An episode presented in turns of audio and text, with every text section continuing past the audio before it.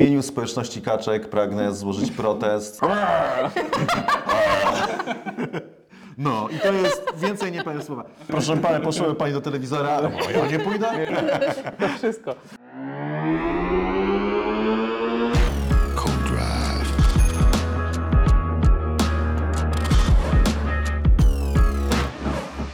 Witamy w Codrive przed Grand Prix Włoch na torze Monza, czyli w świątyni prędkości. My, czyli znowu razem Aldona Marciniak, Ciao! brawo, uuu, Cezar Gotowski To ja. oraz ja, czyli Maksym Kapłan do wszystkich kamer. No, Proszę nie zachowywać jak kibice Formuły 1, to jest poważny program. E, słuchajcie, dzisiaj sobie porozmawiamy o Grand Prix Włoch, już wspomnianym. E, porozmawiamy o tym, jak Hamiltonowi przepaliły się z lekka bezpieczniki, e, o tym, czy Russell to nowy lider Mercedesa, e, o półprawdach Schaffnauera i odkupieniu Piastri- Piastriego. Piastriego. E, Potem przejdziemy do pytań od Was i porozmawiamy sobie o tym, komu kibicowali Aldona i Cezary kiedyś, w przeszłości. E, No a na koniec tematy luźne, czyli e, o tym, czy jest nowy kandydat na fotel w Alpin. Nie zdradzamy więcej. Doczekajcie, to się dowiecie. No ale zaczniemy od Monzy. Świątynia prędkości jest to wybudowany w 110 dni tor w 1922 roku i jeszcze kolejna ciekawostka, to był trzeci na świecie tor zbudowany stricte w celach ścigania. Pierwszy był, znaczy w sumie nie wiem, który był pierwszy, ale po Brooklands e, w Wielkiej Brytanii i Indianapolis e, w USA. Pierwszy raz w kalendarzu e, Monza pojawiła się w pierwszym sezonie Formuły 1 w 1950 roku, no i jest z nami chciałem powiedzieć ever since, ale e, od tamtego czasu e, bez przerwy. Jest to Nie było, nie było jednej przerwy, że Grand Prix Włoch było e, organizowane na Imoli? Tak, sprawdzałem. Brawo, Cezary Gutowski. Punkt. E, tak, jedno Grand Prix Włoch odbyło się na torze Imola, więc faktycznie z tą jedną przerwą. E, gratuluję Cezary. Nagroda jest do odbioru po podcaście. E, jest to piekielnie szybki tor i został na nim ustanowiony rekord średniej prędkości 260,6 km na godzinę Juana Pablo Montoya w Williamsie. Ja na przykład nigdy tyle w ogóle nie jechałem e, tak szybko, a on tak jechał średnio przez cały wyścig. Więc proszę bardzo. E, Kierowcy jadą z pedałem gazu w podłodze przez 80% e, długości toru. To Bardzo, bardzo dużo. Jest to naprawdę bardzo dużo. Mm, I przypomnijmy, jest to wyścig, e, na którym, przepraszam, który zwyciężył Daniel Ricciardo. W którym W zwyciężył którym Daniel? zwyciężył, w którym zwyciężył Daniel Ricciardo rok temu, zdobywając jedyne zwycięstwo dla McLarena w ostatnich kilku dobrych latach. Mm, Długość okrążenia 5793 metry, 53 okrążenia, dystans 306,7 km. Najszybsze okrążenie i tutaj ciekawe, bo to nie będzie żadne okrążenie sprzed roku czy sprzed e, dwóch, tylko Rubens Barrichello w 2004 roku 1.21.046. E, A skoro w zeszłym roku zwyciężył tam McLaren, to porównujemy z McLarenem 650S GT3 zespołu Garage 59 podczas Fanatec GT World Challenge i to było 1.49.502, czyli e, 20 jeździmy sekund. 28 sekund nawet tak naprawdę, całkiem sporo. Więc po raz kolejny od, tym razem odradzamy zakup tego McLarena, ponieważ za w ogóle się to nie opłaca. E, terminarz. Piątek o 14 pierwszy trening, o 17 drugi trening, w sobotę o 13 trzeci trening, o 16 kwalifikacje i w niedzielę o 15 wyścig. I teraz przechodzę do Was i powiedzcie mi, moi drodzy, co Wy pamiętacie z tego toru i co Wam utknęło w pamięci i w ogóle czy go lubicie, czy nie lubicie? Czy faktycznie jest taki szybki, jak wszyscy mówią, czy Pizza, panini, prosciutto, tylko to? Pasta. pasta właśnie I limoncello. I, I reszta się zaciera. w tej pamięci. Nie no, słuchajcie, y, obiekt jest y, świetny. Ja generalnie jest to jeden z tych torów, które polecam do odwiedzenia, całe Grand Prix, które polecam do odwiedzenia, jeżeli ktoś chce mieć generalnie fajny weekend, czyli zobaczyć trochę Formuły 1, ale też być w pięknym miejscu, przy pięknym wielkim mieście, w Mediolanie, e, z dobrym jedzeniem, fajną atmosferą. To, co wyprawiają tam tifozi jest naprawdę niesamowite. To jest jedno z fajnie położonych biur prasowych, ponieważ e, jest e, wielka przeszklona ściana, e, i naprzeciwko oczywiście głównej trybuny i z widokiem na to podium, które też jest bardzo specyficznie położone. W związku z tym to, co tam się dzieje już na tej głównej trybunie, gdy ląduje wielki czarny wierzgający koń i inne flagi i to, co się dzieje na podium, jak jeszcze tam jest Ferrari na podium, to jest naprawdę nieprawdopodobne i to jest e, taka atmosfera jedyna w swoim e, rodzaju. Poza tym czuć tę historię, o której mówisz. E, Ilekroć tam e, byliśmy, byliśmy na European Le Mans Series w zeszłym roku i w tym roku na WEC-u, gdzie no, jest troszeczkę luźniej powiedzmy, mm, to zawsze staram się podejść na ten owal, który naprawdę robi tak nieprawdopodobne wrażenie. A jeszcze jest e, taki fragment, w którym e, możesz sobie tak stanąć, że tak tu widzisz owal, a tu widzisz nowy tor i spotyka się ta przeszłość z teraźniejszością. Świetne miejsce.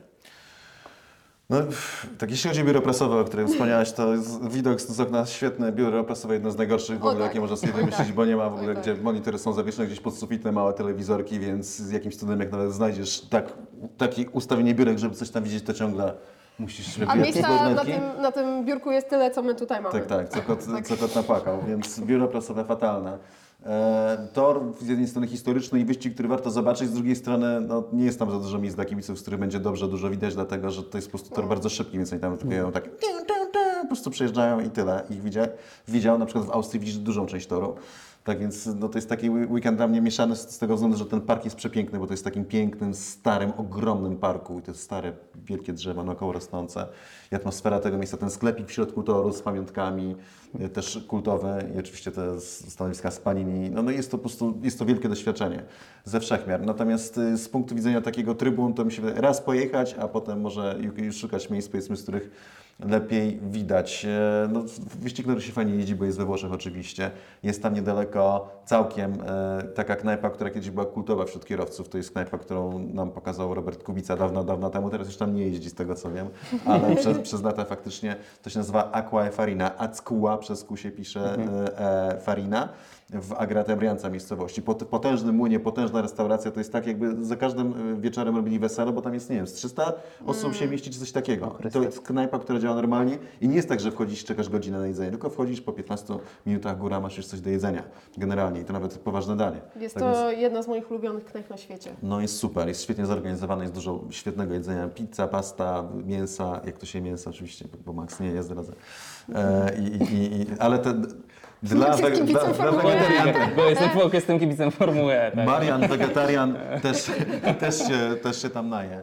E, Natomiast jeśli chodzi o samą konfigurację toru, najszybszy tor Formuły 1, jeśli chodzi o średnią, głó- głównie długie, proste, więc liczy się e, najważniejsza moc silnika i hamulce skuteczne i stabilne, bo to w telewizorze to wygląda, że wszystkie hamują tak samo. Dla kierowców to są ogromne różnice i nawet wystarczy, że nie wiem, pół metra, żeby będzie hamował e, dalej albo metr.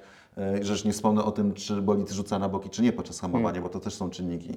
Więc jeżeli nie rzuca, to możesz bliżej krawędzi hamować, to jest kluczowe. Jak bliżej krawędzi hamujesz, masz większe wejście, szersze wejście w zakręt, tam się to urywa. Potem tarki też, one się trochę zmieniają, ale dobrze mieć bolid, mieć bolid który na tych tarkach, bo są szyb, długie, proste i wolne zakręty głównie. Na tych tarkach chcesz mieć zawieszenie, które naprawdę Ci daje stabilizację. W tym roku bolidy są bardzo twarde, więc to, jest, to będzie duże wyzwanie, żeby dostosować to zawieszenie, żeby tam zyskiwać czas w tych szykanach. Ja chciałam jeszcze dodać, że jeżeli chcecie to wszystko przeżyć na własne oczy, konkretnie oczami Cezarego, to jest e, Trackwalk. e, Którego, moim kanale YouTube. Tak, którego ja ukończyłam jakieś 5%, e, bo mm, na tym wielkim, długim zakręcie, który wydaje się, że jest bardzo krótki, a tak naprawdę jest bardzo długi, to to ostatecznie zawróciłam, poddałam ten temat. Na moją obronę było jakieś 42 stopnie. No ale już, a z drugiej strony słońce zachowało się za górami.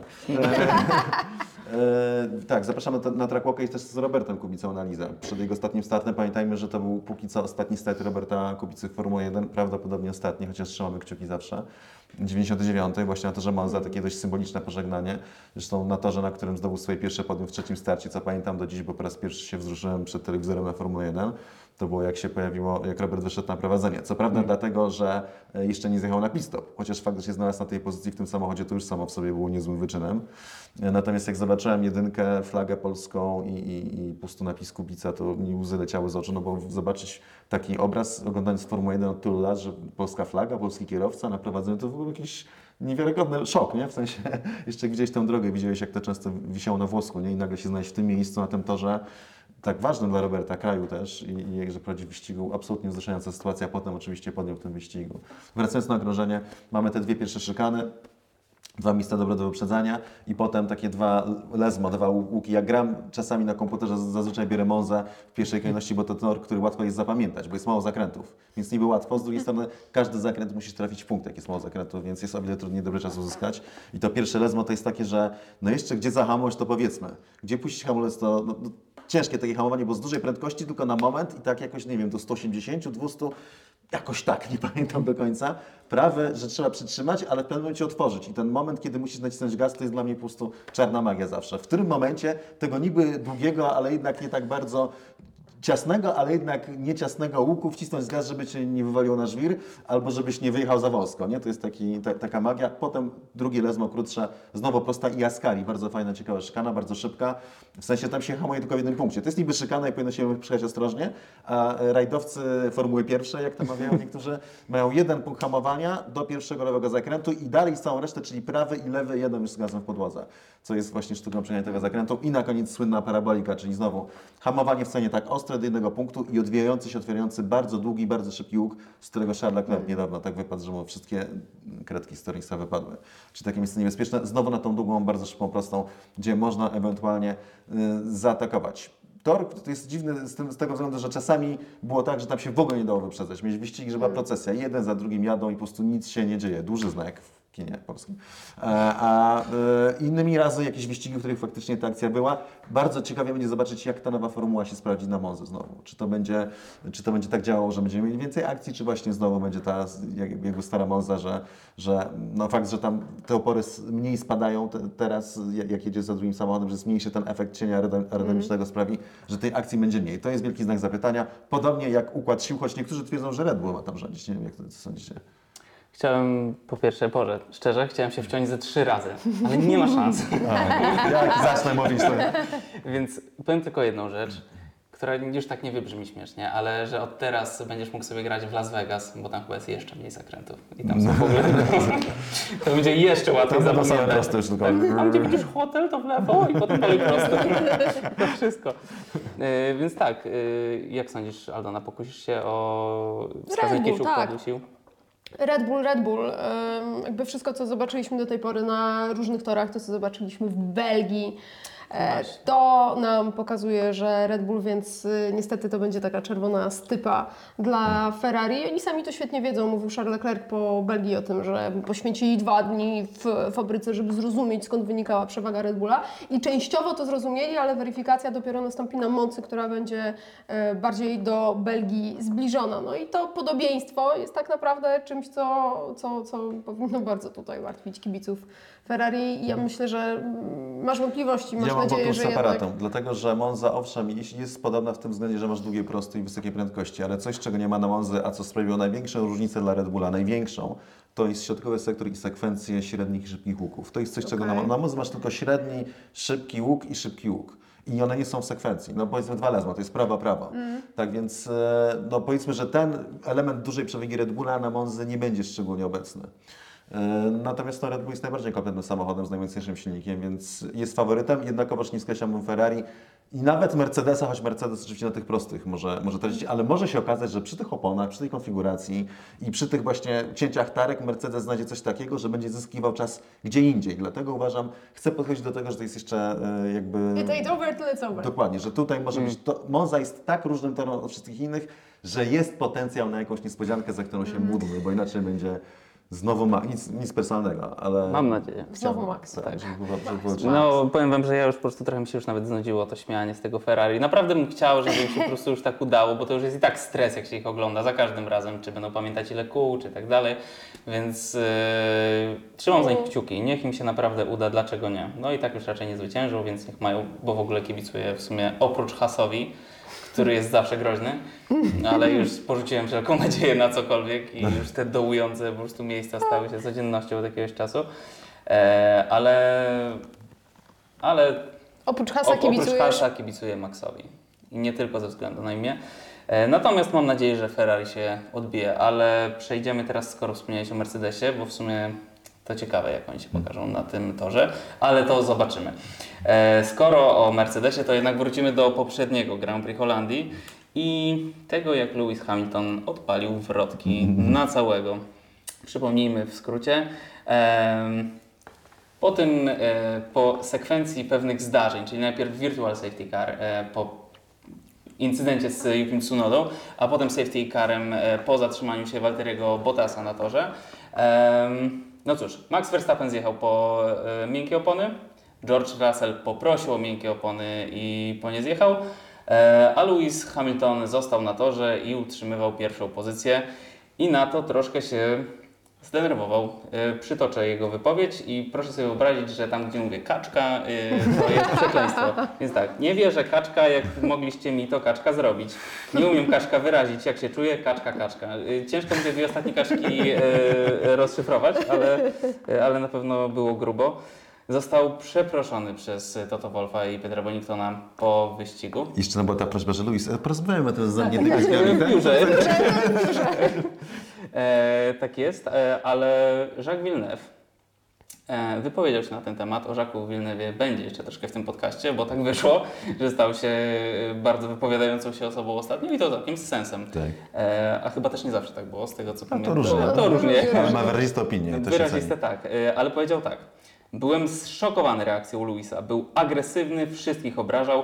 Po wszystkim, co ten team dla niego robi, zrobił i robi, nie powinien się tak do nich zwracać. To nie przystoi mistrzowi. Nie będę przepraszał za pasję, kaczka. Za kaczki. Powiedział, y, powiedział Louis Po Hamilton. pierwsze, w imieniu społeczności kaczek pragnę złożyć protest. Y, No jednak y, kaczka też człowiek, więc nie rozumiem, dlaczego mamy wszystkich zaliczać i, i, i ten, i kochać w uznaniu Luisa, a kaczki jakoś rzuca, prawda, Rzuca tymi kaczkami. rzuca na prawo i lewo, więc, ale okej. O, o, przepraszam, odbije się, żeby nie było, że obrońcy kaszek się do nas odezwał. E, Kaczki zostały w jakiś sposób wyróżnione tym. Nieczęsto kaczki lub w ogóle zwierzęta występują w podcastach o Formule 1. E, Na tym zakończymy ten temat. No jak to? Świszcze, gołębie. Gołębie, tak, faktycznie. tak, tak. Jezu, świetny jest ten filmik, jak idzie kołą przez tor i bolidy. I dare you, I dare you, kaczka, kaczka.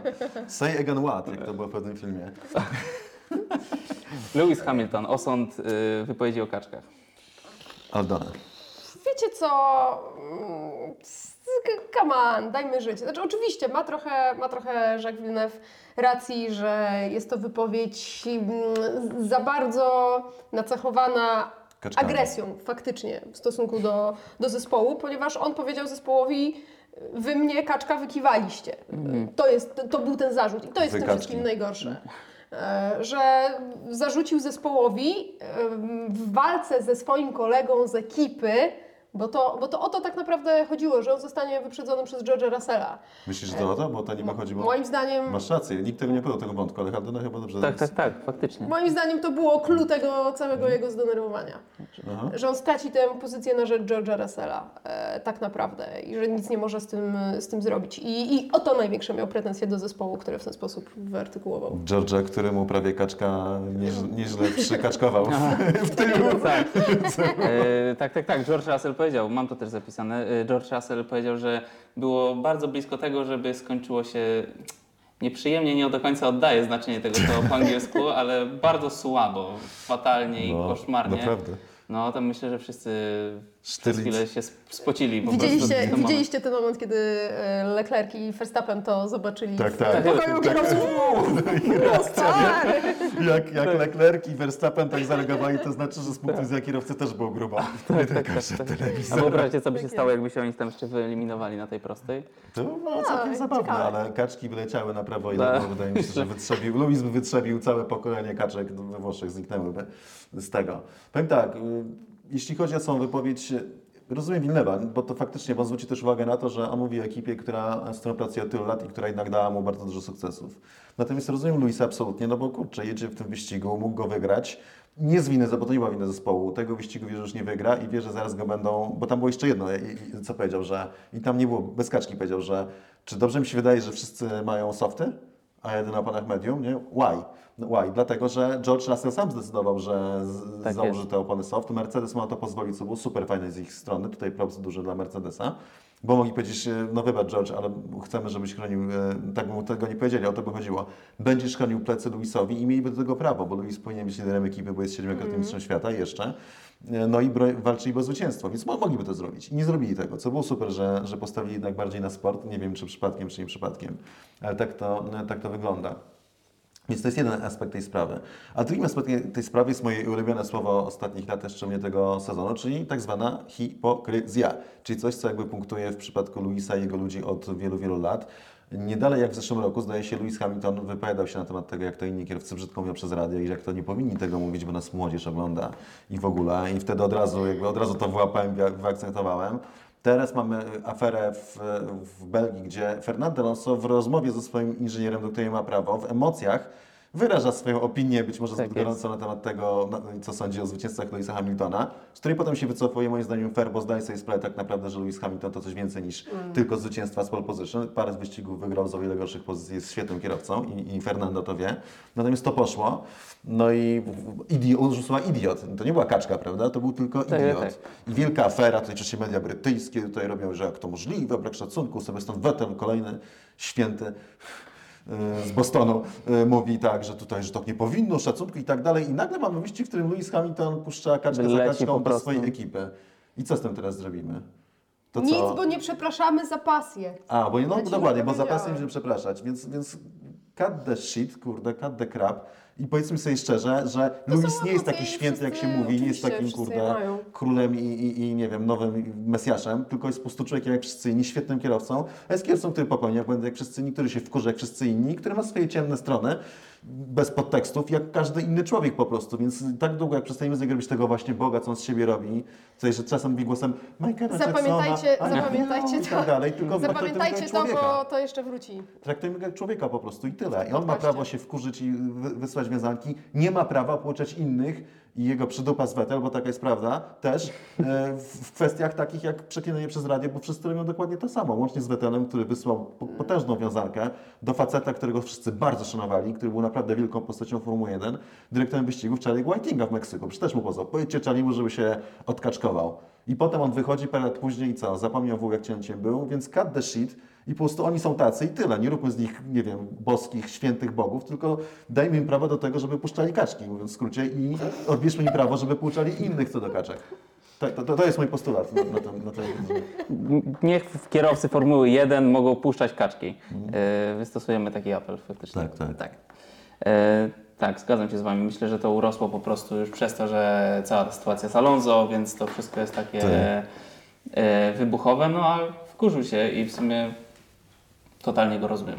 No tak. No nawet, tyle, że nie no. miał racji, bo tak naprawdę Mercedes nie mógł już za bardzo nic zrobić. Znaczy Tak. mógł jedną rzecz obstawić, ktoś tam wykombinował, że mógł mu założyć miękkie opony i sprawić, żeby George opóźnił resztę stawki, co też byłoby Tak. ciężkie, bo też grubymi szyte yy, i ten, i też safety car sprawił, że oni byli zbici, no byłoby ciężko to wykonać, ale powiedzmy, albo wrzucić na softach Luisa, bo to by mu dało przynajmniej szansę jakąś, że będzie mógł Maxa zaatakować. Ale też pamiętajcie, że oni sobie Renault ustalili i o tym mówili wszyscy, że im podzielą tę strategię. Że jakby No tak, co, bo to była ich jedyna to, szansa. To, to robią split strategies i to jest coś z kolei, z kolei czym się bronił Toto. Już nie wspominając o tym, że to się działo naprawdę szybko. To nie Tak. było tak, że oni mieli tam 3 minuty No, na tą no, decyzję, no. tylko tu Russell zdecydował, że chce te softy, też przecież nie 10 minut wcześniej. Nie, nie, po, po tak, tuż przed pit-stopem prawie, że tak naprawdę jest. było mało czasu na to. Dokładnie tak. Wcześniej E. zrobili też Mercedes mega dobry podwójny pit stop, ten z Tak. naponem O, tak, to tak, było tak, świetne, tak. naprawdę. W Ferrari wydaje mi się, że ten, że łzy leciały im Myślę, po policzkach. Myślę, że myśleli, że y, Mercedes zrobił jeden pit stop tak naprawdę. Myślę, że nie, nie ogarnęli w ogóle, że to to były dwa samochody, tak. Jakby- jeden długi. Jakby Ferrari podnajęło ekipę Mercedesa do zmiany opon, to szczerze mówiąc, po pierwsze by na tym zyskali mniej stresu, być może też finansowo i jeszcze sądzę, że Mercedes by dwa Ferrari opitolił po drodze. Pewnie jeszcze tak. Jeszcze tak. Eee, George Russell, który, tak jak już mówiliśmy, prawie by ucierpiał w tej sytuacji. Swoją drogą e, wyjaśnijmy. Gdyby załóżmy, że oni tam się walnęli, to łatwo byłoby wskazać, czyja to jest wina? Nie, no jasne. Oczywiste. To było takie ten. I to był taki błąd, błądowy, znaczy George'owy błąd. W sensie George jest bardzo szybkim, bardzo błyskotliwym kierowcą, ale raz na jakiś czas daje ciała tak w sensie spektakularnie. To jest wtedy, kiedy wyskakuje krzyczy najgłośniej. Co tu zrobiłeś? Tak to krzyczy do Batasa. Czy teraz z- no, no, z Gaslim też inaczej, no bo nie, nie ma pretensji do Gasliego, ale generalnie i do Joe, ale generalnie też wyskoczył taki, to widać wtedy, z, z Luisem tak nie mógł zagrać, więc nie wiem, chyba by tam eksplodował emocjonalnie, gdyby nie mógł z siebie tego wyrzucić. Boliwii. szczęśliwie udało się uniknąć e, tego, tej wpadki, a poza tym jak spojrzycie na to, co się dzieje z Russellem, to chłop nie zszedł niżej niż piąta pozycja przez cały sezon, mając bolid naprawdę trudny w prowadzeniu i jednego wyścigu tylko nie kończył po własnym błędzie, ale to szczerze, wszyscy popełniają takich, błędy i to tak, się w może zdarzyć wynikach. po prostu, a cała reszta to jest po prostu na miejscu Hamiltona zaczę- zaczęło się już naprawdę obawiać, bo to już tam, to chodzi o tą średnią jego. Jest niesamowite. 13 punktów tylko za drugim miejscem w klasyfikacji. Tak, 30 Mistrzostw Tak, jest i Przed 30 Hamiltonem. punktów przed Hamiltonem już teraz. I Jacques Villeneuve nie wiem, czy się obawia e, o Hamiltona, natomiast wypowiada się o Russellu też bardzo mocno i też e, zastanawiam się, czy bardzo w punkt, czy może, jeszcze- czy, czy może jeszcze trochę za bardzo wychodzi w przyszłość, ale mówi tak. Widzę zmianę w Mercedesie. To, jak szybko sam Russell sam dostosował swoją strategię w wyścigu, pokazuje, że wyrasta na lidera zespołu. No i rozmawialiśmy już o tym nieraz, czy ta zmiana dokona się w tym sezonie. Raczej dochodziliśmy zawsze do wniosku, że chyba jeszcze troszkę za wcześnie, że Russell robi wszystko idealnie, że on musi spokojnie z tylnego fotela podkopywać lekko tą pozycję Hamiltona albo umacniać swoją i w odpowiednim momencie wskoczyć na to miejsce, ale faktycznie, no po prostu wynikami, zespół też to przecież widzi, tak? Russell dowodzi. Znaczy słuchajcie, no pytanie, co, weźmiemy, co weźmiemy pod uwagę? Kiedy uznamy George'a Russella za lidera zespołu? Jeżeli statystyki nam pokażą to, co pokazują do tej pory, czyli że będzie miał więcej punktów od Louisa Hamiltona e, na koniec tego sezonu, czy to znaczy, że jest e, liderem zespołu? No, nie wiem. To, to, to, jest jeszcze, to jest jeszcze mało. Moim zdaniem ta pozycja jest wyraźnie przy Luisie, bez względu na to, czy, czy jest e, wyżej od Russella, czy nie. E, I to, ta zmiana się nie dokona w tym sezonie, ale jest za rogiem. Ale zwróć uwagę na jedną rzecz, bo to było też bardzo ważne, że jeszcze raz, że Mercedes dał mu to, on poprosił te opony i dostał te opony. W sensie, że oni w w sytuacji, gdy miał być numerem dwa, albo gdyby to był Valtteri Bottas, obawiam się, żeby stanął, że Valtteri to by się nie wychylił w ogóle. To mogłoby się skończyć tak, żeby po prostu jedź w formacji, tak, shut up No and tak, stick tak, with tak, tak, tak. Nie, w sensie, że po prostu tak, Keep ki- the position. Tak, keep the position. George dostał te opony, a oni musieli wiedzieć, że jak dostanie te opony, to ma dużą szansę na to, że Luis objedzie, więc e, no, ja bardzo szanownie wypowiedzi Wilnewa, nie ze wszystkimi się zgadzam, bo czasami, czasami no, on ma bardzo wyraziste opinie jeszcze raz. Natomiast generalnie jest to facet, który zna ściganie od podszewki i to co najważniejsze, nie wstrzymuje się z mówieniem mm, tego, co myśli. Co jest super ważne, na, naprawdę. Tak? I moim zdaniem takie opinie są bardzo potrzebne i co więcej mocno trafia. I jeżeli on tu widzi jakiś sygnał, że idzie zmiana, dobra zmiana, to, e, no to trzeba to podkreślać na poważnie i śledzić tę sytuację głębiej, bo patrząc na to, jak to jeździ, no jeszcze raz na tą średnią, bo to jest ultra... W Formuły 1 tak naprawdę najważniejsze są procenty i właśnie te wykresy średnich. Oni na to patrzą. I patrząc na ten wykres i na te procenty i oczywiście najważniejszy czynnik, czyli liczbę punktów, to George Russell już teraz jest liderem Mercedesa. No właśnie, czy ta zmiana na fotelu lidera zespołu odbędzie się dopiero wtedy, kiedy to będzie tak jasne, że na przykład. O kurczę, nie przejdzie mi to przez gardło, ale. y, Kaczka. y, że Russell będzie miał priorytetowe, nie wiem, miejsce na torze względem Hamiltona. Nie sądzę, żeby w tym y, sezonie. Natomiast y, też wydaje mi się, że wszyscy bardzo szanujemy Luisa, który jest wybitnym kierowcą, siedmiokrotnym mistrzem świata. Jest wciąż świetny, niesamowity, potrafi często dowieść coś z niczego. Natomiast może przyjść taki moment, że Russell po prostu zacznie być szybszy i bardziej regularny na Bardziej regularny Już. to już to Jest. bardziej, no, to ma, właśnie macie rację, bardziej regularny już jest. I kiedy Hamilton e, zacznie przegrywać po prostu czystym tempem i jeżeli powiedzmy w przyszłym sezonie to Russell będzie miał realną szansę na mistrzostwo, no to chyba Mercedes jako zespół też nie będzie próbował wypychać tego Hamiltona na siłę, bo będzie im zależało, żeby zdobyć mistrzostwo, czy nie, czy jednak... To jest zawsze sytuacja dynamiczna, ona się zmienia tak, z, po prostu, to jest, to, to, tam leci czas, to są jakby, on się wpasowuje w ten zespół i po prostu robi to, co od początku miał, że powinien robić powoli, przekonuje po pierwsze szybką jazdą, po drugie nie będąc tam bucem, czy powiedzmy nie, No nie, nie tak. grając z Fernando Alonso, nie robiąc tak, tak, tak. burdla, mówiąc w skrócie, żeby tylko przyciągnąć wszystkich na swoją stronę, tylko właśnie będąc tym pokornym cielakiem, co to dwie matki z się. I więc robi super robotę pod tym względem. Najważniejsze prędkość, a potem po prostu to, jak się układa w ekipie, jak mówi, że Luis to jest najwspanialszy kierowca historii, że to jest nasz lider i tak dalej, a z tyłu po prostu tynk i prawie go zdjął. na prostej. na Zandwar po prostu jedzie swoje do oporu, nie? Aż, Kurde, śrubki się wykręcają z tego samochodu. Zajebiście. Tak więc y, to się będzie w ten sposób rozgrywało. Nie sposób tego przewidzieć, ale na to, jak, były, jakby, jak, na, jak Mercedes był zbudowany w ogóle. Mercedes jest zbudowany na Hamiltonie, na jego świetnym samopoczuciu, na mówieniu mu, że jest najlepszy i w ogóle i, i zawsze był, na, na, na twierdzeniu, że nie popełnia błędów, tak? Finger problem, palec, a nie, a nie, że to ty popełniłeś błąd, tego typu rzeczy. Natomiast w momencie, kiedy znajdą tego pewnego silnego lidera i to jeszcze młodszego, za którym też ludzie się zaczną zwracać, bo to, to, to jest, b- będzie bardzo ważne, a George wygrywa serca coraz większej liczby kibiców, to ostatecznie moim zdaniem może dojść do momentu, kiedy no, jednak coraz więcej osób zauważy, że no, król jest nagi i że tutaj Louis mówi jedno, a robi drogie, drugie i to jego jakby zbudowanie tej legendy najlepszego na świecie, jedynego sprawiedliwego, co się przebił z getta i tak dalej, po prostu jest y, hipokryzją, jest śmieszne. Więc jeszcze się pogrąży wizerunkowo i wtedy będziemy mieli George'a cały w bieli wejdzie, znowu bez, bez, bez podtekstów i po prostu zgarnie pulę. Ale najważniejszym tego elementem zawsze będzie prędkość i to, co teraz robi, punkty, ta średnia. I że można na nim polegać. I to się wtedy może zmienić. Natomiast jak sprawy stoją, może nie na dziś, bo to się zmienia, ale jeszcze na wczoraj, nie tak daleko, to jeżeli Mercedes ma dominujący bolid w przyszłym roku i ma decydować, kto zostanie mistrzem świata, mistrzem świata zostaje Lewis Hamilton po raz ósmy w karierze, bo to jest, to jest bardzo ważne. Tak, tak, tak, tak, macie rację. Wiecie co, y, mam na myśli, pojawiła mi się w głowie taka analogia e, do piłki nożnej, bo troszkę piłeczkę oglądam. Dawaj, dawaj. Em, nie jest ona do końca trafna, bo to jest jednak sport zespołowy, natomiast przez, no po prostu wydawało się, że to będzie do końca świata, że będzie Messi i Ronaldo. E, No i oni po prostu wygrywali wszystko, wszystko i już przekroczyli ten wiek, kiedy normalnie mm, spadała jakaś ta wydajność czy golostrzelność e, piłkarzy i oni dalej swoje. E, ale tak nagle po cichu orientujemy się, że Cristiano Ronaldo któryś mecz z rzędu zaczyna na ławce. Messi też już nie śrubuje tak rekordów, chociaż gra też w innym zespole, nie ustawionym pod siebie, więc znowu to nie jest do końca trafna analogia, ale że takie rzeczy czasami wydarzają się po prostu cicho, że nagle się orientujemy, że on już nie jest tym liderem, że nie było takiego punktu, że pyk, to zmiana. Tylko Tak, tak. nagle to się po po prostu stworzy i nagle się zorientujemy, że nie wiemy kiedy. Tak, A tak. to Russell jest liderem Mercedesa. Myślę, że to tak się będzie rozgrywało i prawdopodobnie tak już się rozgrywa. I to ma na myśli Jacques Villeneuve. To się po prostu dzieje. W życiu, nie? Krok po kroku, bez rewolucji, po prostu ewolucja. Dokładnie tak. Proszę mi nie zerkać do mojego notatniczka e, cyfrowego. E, Chciałbym, żebyśmy porozmawiali chwilę teraz o sprawie Oscara Piastriego, która w dużej części się już wyjaśniła i przede wszystkim o półprawdach. Rozmawialiśmy przed e, nagraniem programu, ja powiedziałem o kłamstwach Schaffnauera, ale jak sam Schaffnauer twierdzi, on nigdy nie kłamał i W nigdy życiu kłamał słowa nie będzie. Kłamstwa nie powiedział. Tak jest, więc Ale wam powiedział, wam, do dziennikarzy. To you. E, więc półprawdy e. Em, myślę, że i Cezary i Aldona już mówili o tym w różnych miejscach. Natomiast telegraficzny, telegraficzny skrót.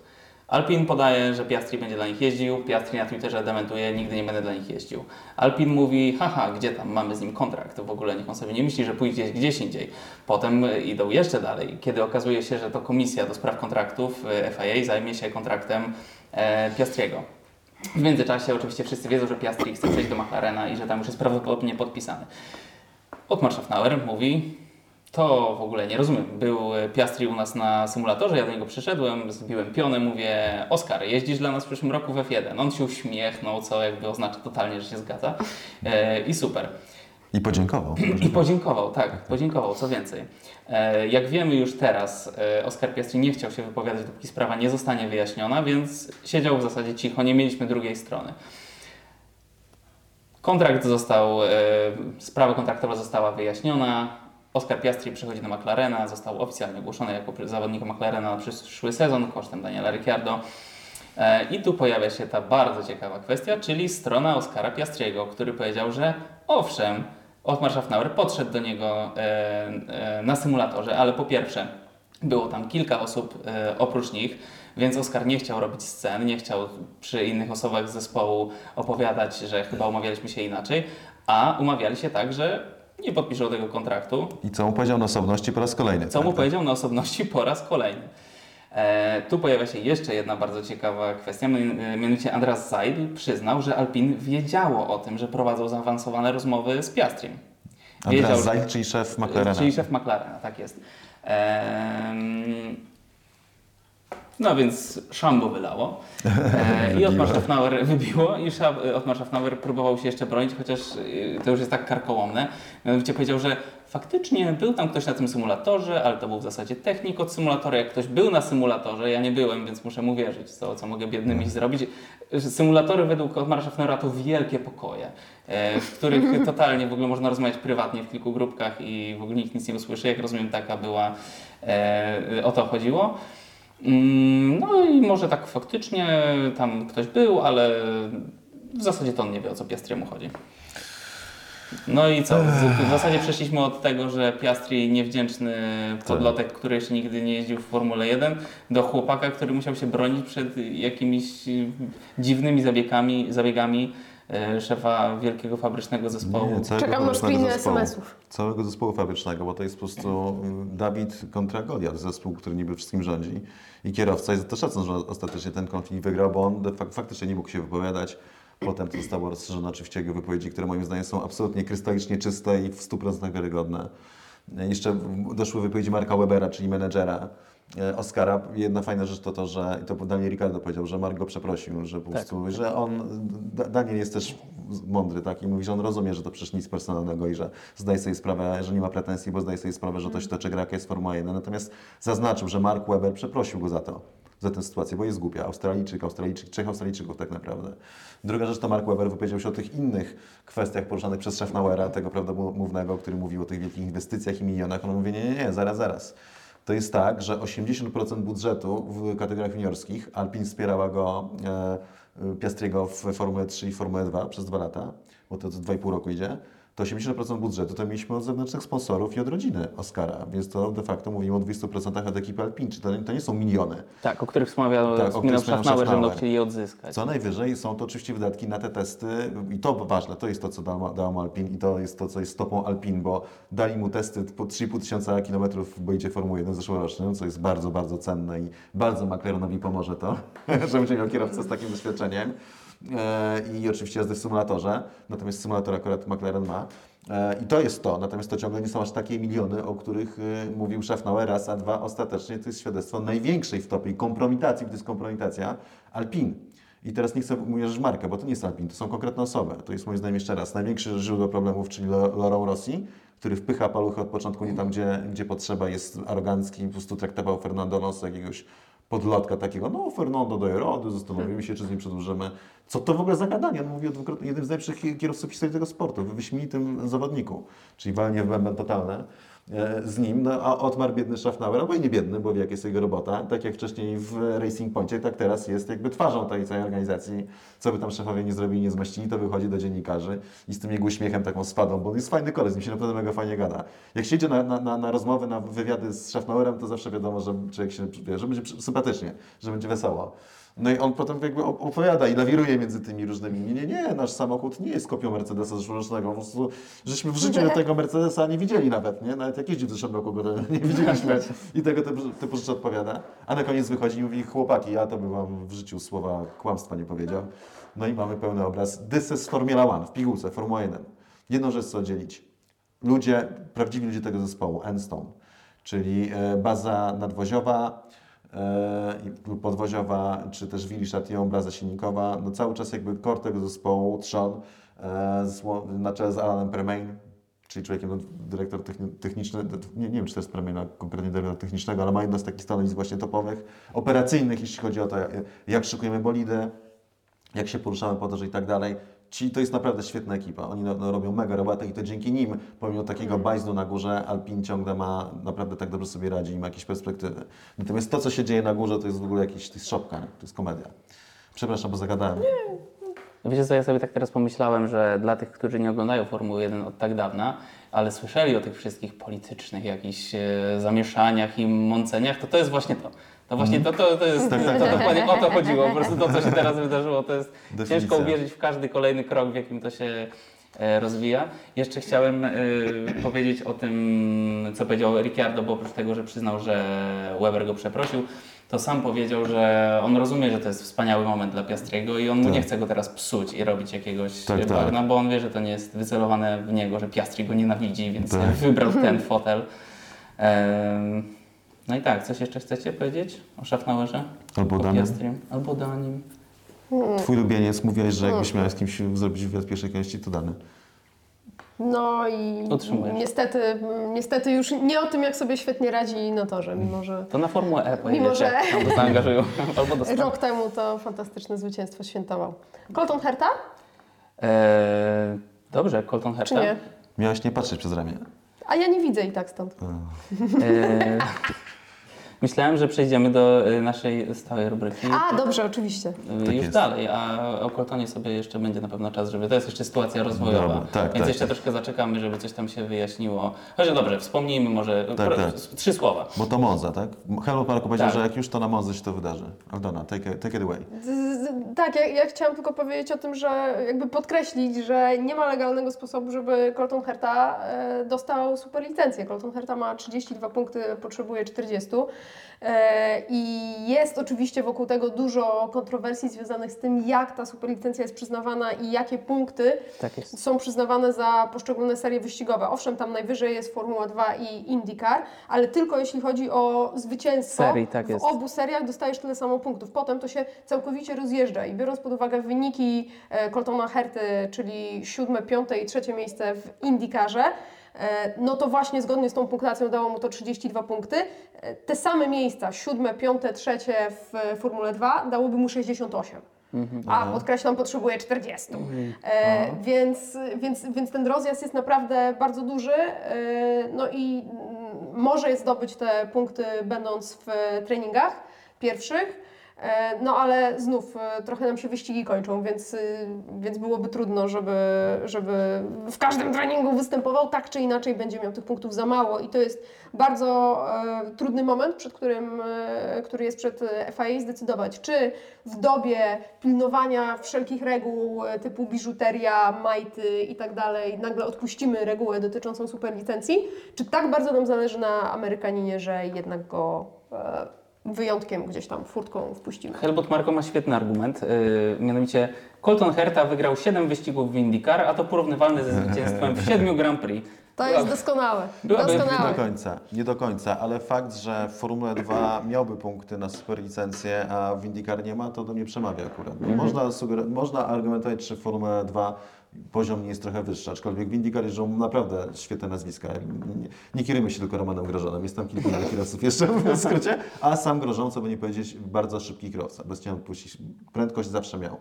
Tak więc, e, no plus doświadczenie Formuły 1, więc faktycznie to trochę dziwnie wygląda i to jest wina znowu FIA i Formuły 1, że tak się stawiała egocentrycznie, że my tutaj to nasze europejskie i nasze kategorie to mu dostają tyle punktów, a IndyCar, no dobra, niech zwycięzca dostanie te punkty, ale reszta to niech się tam. E, Teraz to się mści.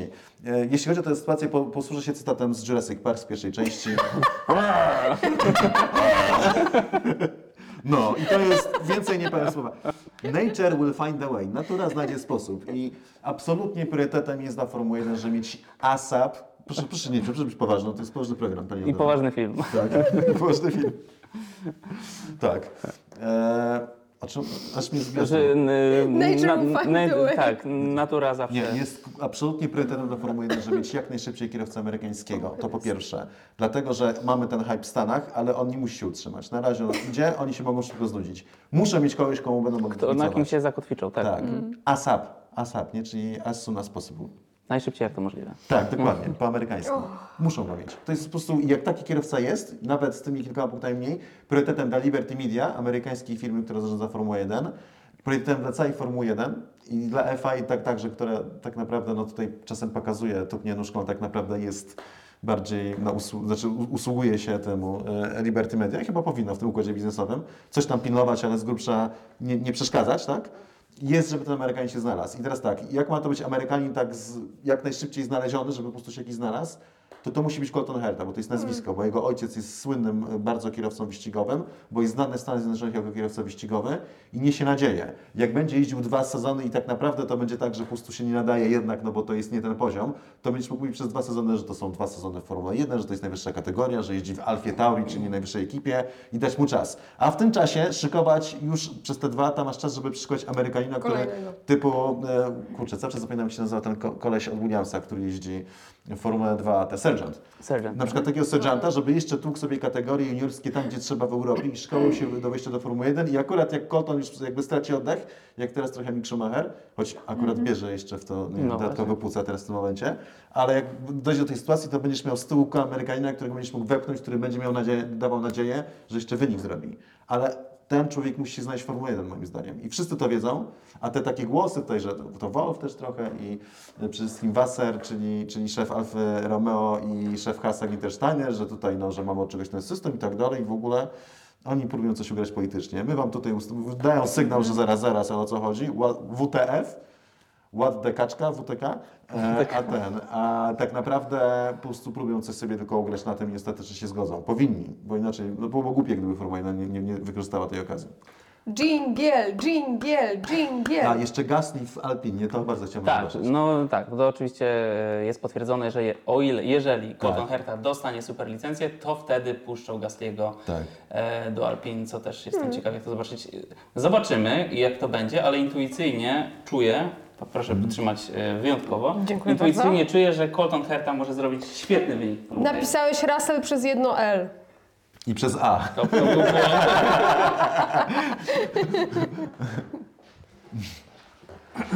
Proszę bardzo. Yy, To jest już taka wersja polowa, bo po prostu tak. musimy to ładnie nagrać i z animacją i będziemy mieli ten Tak. pytania od widzów. Nie w rytm, ale jest okej, dobra. Trzymam. Pięknie. Motylki jakaś animacja, żeby była. No albo, tak między nami. Tak, tak. tak. E, pierwsze pytanie mamy jeszcze, skoro rozmawialiśmy o Piastrim, to zacznijmy od tego. Od użytkownika, dobra, przytam tak się, jak się pisze. Eta Cariane 9000. Czy Piastri może pójść drogą Roberta i jeszcze w tym sezonie wystartować? Yy, mm, To nie będzie droga Roberta, ponieważ e, Robert wystartował ze względu na e, COVID-a.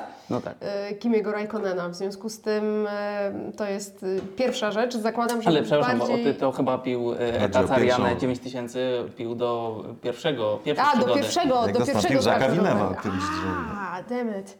E, Co jest dobre pytanie, ale mm, wiecie co, nie, nie sądzę, żeby zrobili to Danielowi Ricardo, mimo wszystko. A ja myślę, że A ty myślisz, że znając zrobią? Zaka Browna i to jak cisnął Van Dorna, żeby zrobić miejsce wcześniej dla Norrisa, żeby Norris wcześniej Ale wiesz, Van Dorn się zadebiutował, postawił, będą jeszcze cisnęli. Van Dorn się postawił I bo dobrze zrobił. i moim powiedział, zdaniem a- Ricardo też się postawi. Tak, do- tą wanną dojeżdża do końca. Wiesz co, nie wiem czy, bo Dan jest teraz, dziś nawet w pole position nawiązałem, przypomniała mi się piosenka taka jest Alice in Chains, Down in a Hole.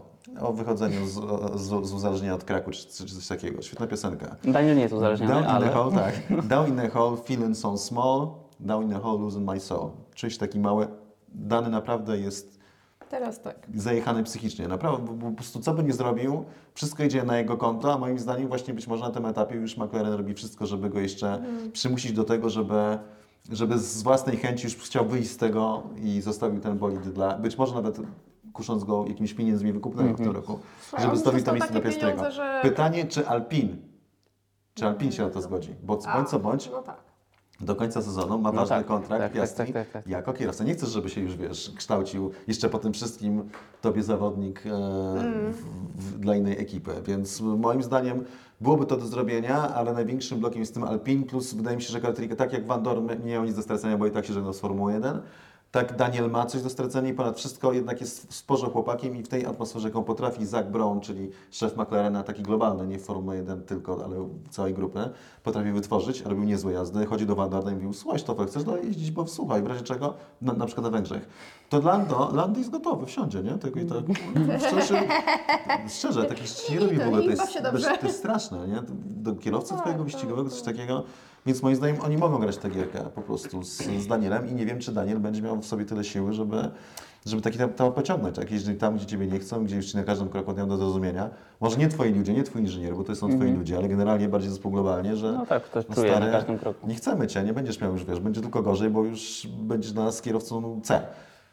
Im bardziej Alpine jeszcze ucieka McLarenowi, tym mniej ma McLaren w ogóle do stracenia w tym roku. Zamiast McLarena 720S na dojazd do wyścigu dają mu jakiegoś gorszego McLarena. nie wiem jak to się Nie, jakiego. McLarena? Dają jakiś, nie wiem, cudowny wykwit współczesnej motoryzacji, lepiej elektryka. Choć elektryczne samochody nie są takie głupie, są czasami całkiem fajne. Ja bym chciał. No ja wiem, ja wiem. Jesteś wegetarianem, nie lubisz Formułę E. Tak, no, wszystko się zgadza po prostu ze ze zazębia. E, mi też się wydaje, faktycznie zwróciłeś uwagę na to, nie pomyślałem o tym, że główną przeszkodą może być to, czy Alpin puści Piastriego.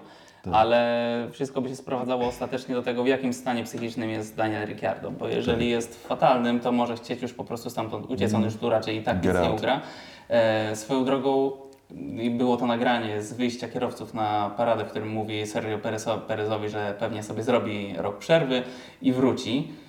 I co to u licha jest? Czy oni ich nagle zaczęli, przecież tam już tyle informacji wyszło z tego wyjścia, no to ja, nie wiem, czy oni nagle zaczęli, zaczęli zakładać jakieś mikrofony tam, czy co? Już też przecież... yy, Puszczasz ostatnio więcej zaczęli. Tak samo jak z tymi przekleństwami, nie? Możesz mieć pretensje do kierowcy, że mówi przez radio w prywatnej rozmowie swojemu inżynierowi, że ten koleś to jest kaczka. Ale ostatecznie kto realizator to to puszcza? puszcza. Tak, No tak, racja. E, swoją drogą faktycznie, kto, czy to realizator decyduje, która Tak. wiadomość? On po prostu dostaje wszystkie? O, I sobie to, o dobra, to No puszczamy. tak, No to tak. dla nich lepiej, nie? Znaczy mi się to podoba akurat, bo Mi puszczają też, fajne rzeczy, mi ale nie też. możesz pretensji do kierowcy o to, że czuje to, co Tam czuje. jest, jest selekcja, no ale, ale tak. E, dobra, zanim przejdę jeszcze do drugiego to, e, pytania, to chciałem tylko zaznaczyć, jak bardzo jestem pod wrażeniem tego, jak do przodu idą wszystkie te grafiki w Formule 1. W sensie zaczynamy chyba dochodzić już do granicy, gdzie będzie już przesyt, mam wrażenie, ale teraz dali tą linię przejazdu, taką wiecie, jak się jeździ w grach i no widzieliście to, e, która jest idealna linia po torze. Te takie zielone strzałeczki się pojawiają. Tak, ale też wiesz co, niektóre z tych grafik są bzdurne. Jakieś takie... e, Tak, jakieś- grafika zużycia opon. nie? No, tak, tak, tak, tak, tak, tak, tak, tak. Albo, albo te corner performance no, potrafią być naprawdę... Ale te na systemie Halo to jest w ogóle idealne wykorzystanie tego, co masz na obrazie. Coś, bardzo co ci i tak Mhm. zasłania, a tu masz... Chociaż też się zastanawiam, jakie oni mają przełożenie. Czy oni mają dostęp do czujników, które czują to, czy to jest na jakiejś zasadzie audio... Aha, okej. Po prostu zbierają stamtąd. Mogą mieć. E, słyszałem jeszcze, to są tajne plany, że niedługo będzie ścigał wirtualny bolid. Tylko my go będziemy widzieli i kierowcy będą się ścigali. Mają wstawić Hamiltona do niego w 2020 roku, 2026 roku, żeby zdobył Albo mistrzostwo świata. Że to będzie paid virtual driver. Tak, To- tak.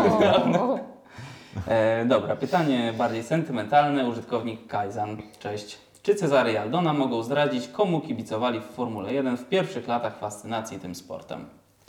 Ja coś tam wiem o e, Cezarym, ale o Aldonie nie wiem nic, jeśli chodzi o to, więc Dawaj. proszę bardzo Pani Wiecie co, ale to właśnie aż spuszczam wzrok, bo to nie jest takie łatwe. Bo Aldona zaczęła oglądać dwa lata temu. Pamiętam no. Zadzwonili, proszę Pani, poszły Pani do telewizora. O, ja nie pójdę? Wiesz co, no chyba tak najbliżej bym była e, Fernando Alonso, bo to była to, to bardzo piękna historia w ogóle od samego początku. Debiutu w, zespole, który był nigdzie, ale od razu widzisz, że to jest taki zabijaka i te lata jego walki z Schumacherem. No, to jest jedyny kierowca, którego mam autograf, więc też dlatego tak wybrałam.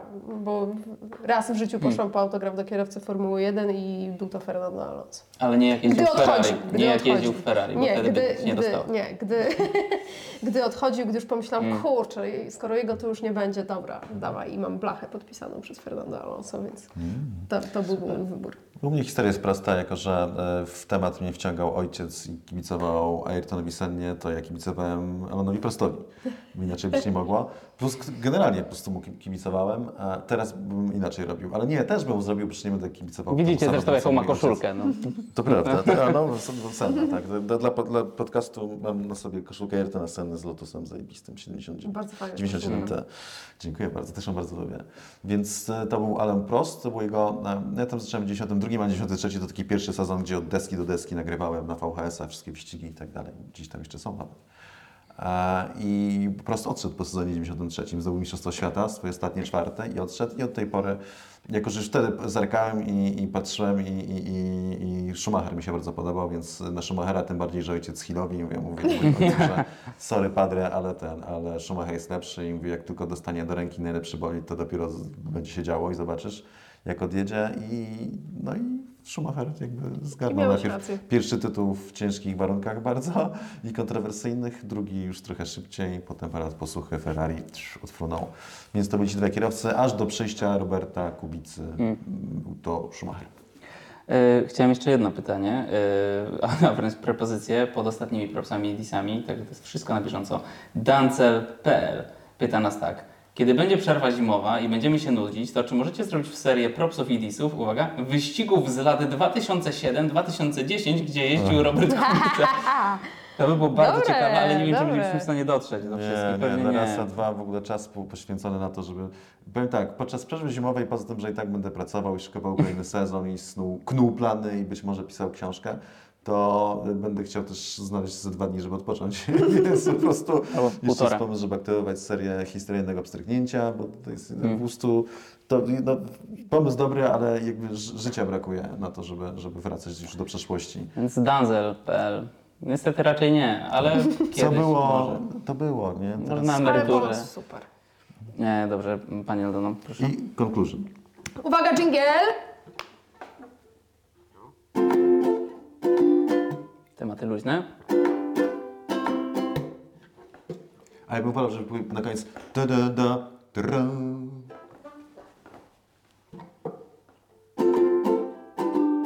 Tematy luźne.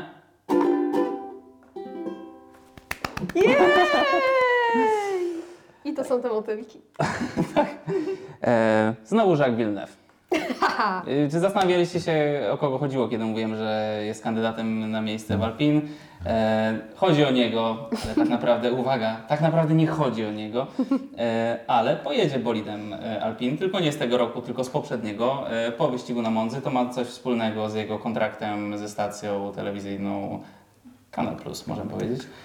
Mm, i to będzie pierwszy jego przejazd nowoczesnym bolidem od czasów e, 2006 roku i jego ostatniego wyścigu.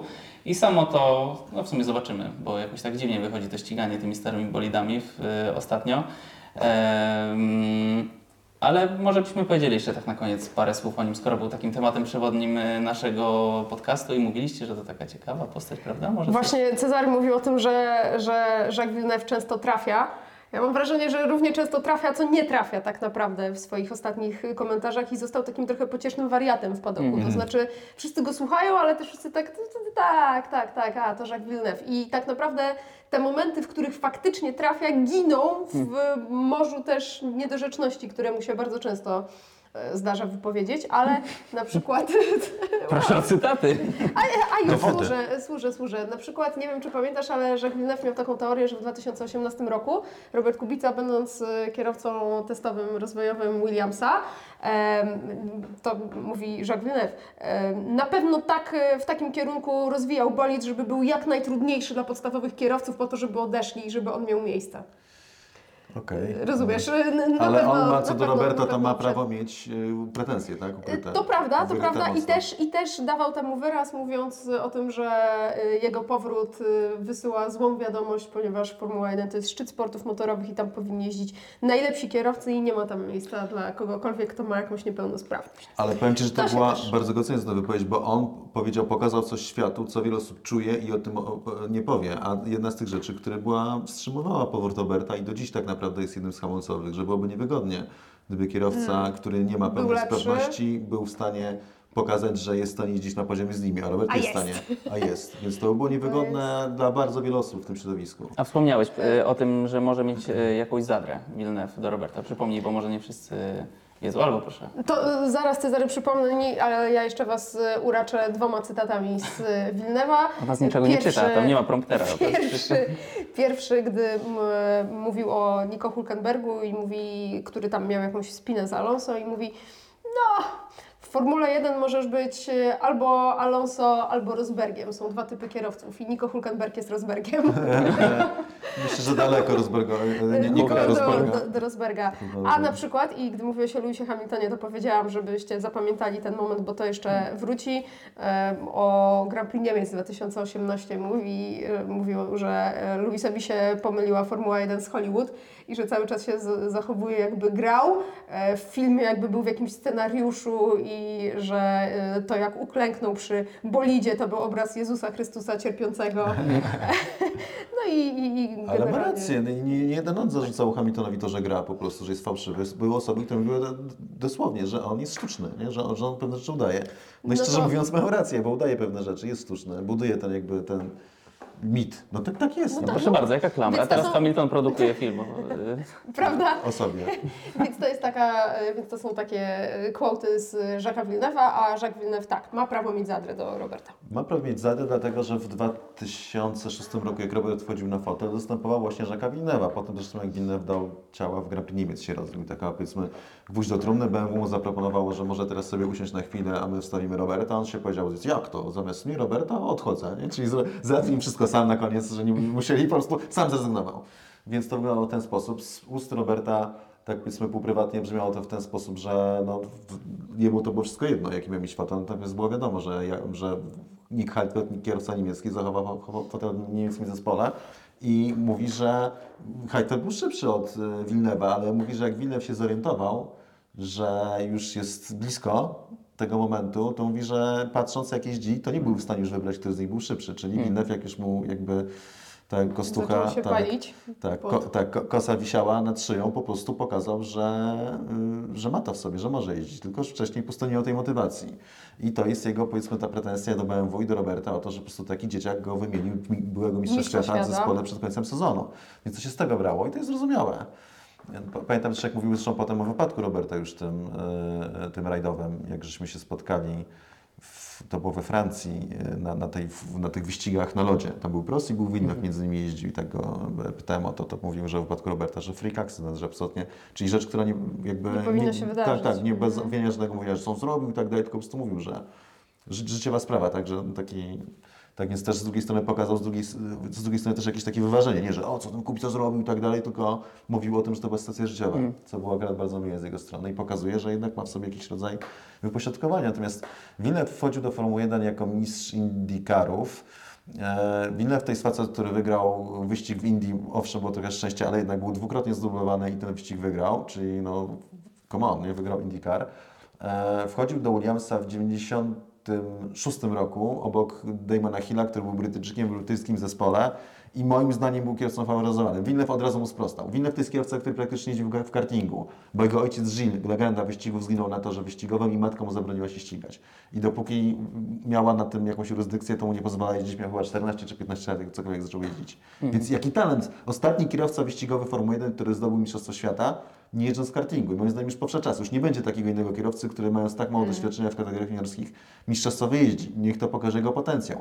Facet, który prawie pokonał Hilla, debiutując w swoim pierwszym sezonie w Formule 1. Hill zdobył to mistrzostwo. Gadałem o tym z Winowem, mówiłem mu, czy nie wydaje mu się, że był, e, no, był faworyzowany. Hill powiedział nie. Moim zdaniem zespół traktował nas równo. Co też kolejna fajna sprawa, tak? że, że, że nie poszedł w tym kierunku. Rok później Villeneuve zdobył Mistrzostwo Świata w Williamsie, swoje pierwsze jedyne w 1997 roku, pokonując Michaela Schumachera. Michaela Schumachera, który pod koniec próbował jeszcze swoich zagrywek i steranować go, kiedy Villeneuve go atakował. Villeneuve przetrwał ten atak, Schumacher nie. Trzymałem. Villeneuve jechał dalej, miał uszkodzony bet, jechał dalej. Przepuścił dwa McLareny do mety. To było pierwsze zwycięstwo Miki Hakinena, czy mistrza świata w dwóch kolejnych sezonach Formuły 1. I David Coulthard jeszcze go wyprzedził, dwa McLareny.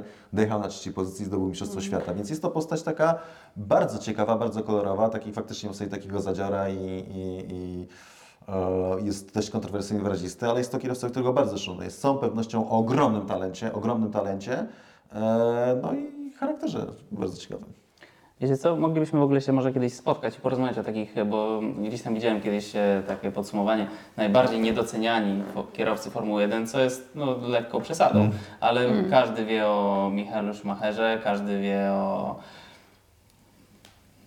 Proście, Sennie i tak dalej, ale na przykład taki Mika Hakkinen, który może nie jest aż tak medialny, też był wybitnym kierowcą. O, Moglibyśmy się kiedyś Jedyny miły mistrz świata. Tak. Może nie jedyny, ale bo jeszcze był baton, ale A no wielokrotny. dobra, dobra. Wielo to już tak, nie sięgając bardzo daleko w lata wstecz, no to mówię, to jest mój ulubiony przykład kierowcy, bo to też znowu w dyskusji e, Robert powiedział kiedyś takiej szerszej, że ten, że no nie, nie można wyrównać takich sukcesów i być miłym chłopakiem, że zawsze musi mieć sobie jakiś ten element tego, nazwijmy to, nie używa tego słowa, tak, o, do, dokładnie. Ja mówię, ale Nika Hakkinen, no, dwa mistrza świata, no. A, no dobrze, dziękujemy Wam bardzo. Cieszę się, że mogliśmy się znowu spotkać razem w jednym miejscu. Zadawajcie pytania, będziemy na nie odpowiadać, e, na ten, które wybierzemy, co prawda, nie na wszystkie, ale zawsze staramy się tam w komentarzach coś, chociaż parę słów e, napisać, jeśli o coś pytacie. Na przykład jeden z użytkowników zapytał o poprawną formę, czy mówi się cytat, Cezarego Gutowskiego, czy cy- cytat z Cezarego Gutowskiego i zorientowałem się, że nie mam pewności. Sprawdziłem, więc cytat z, Z. Cezarego Gutowskiego. Tak jest. E, słyszymy się w propsach i, i disach po Grand Prix Włoch. Potem będzie troszkę dłuższa przerwa, e, ale jestem pewien, że o nas nie zapomnicie. Dziękujemy bardzo i do usłyszenia. Thank you. Thank you. Thank you.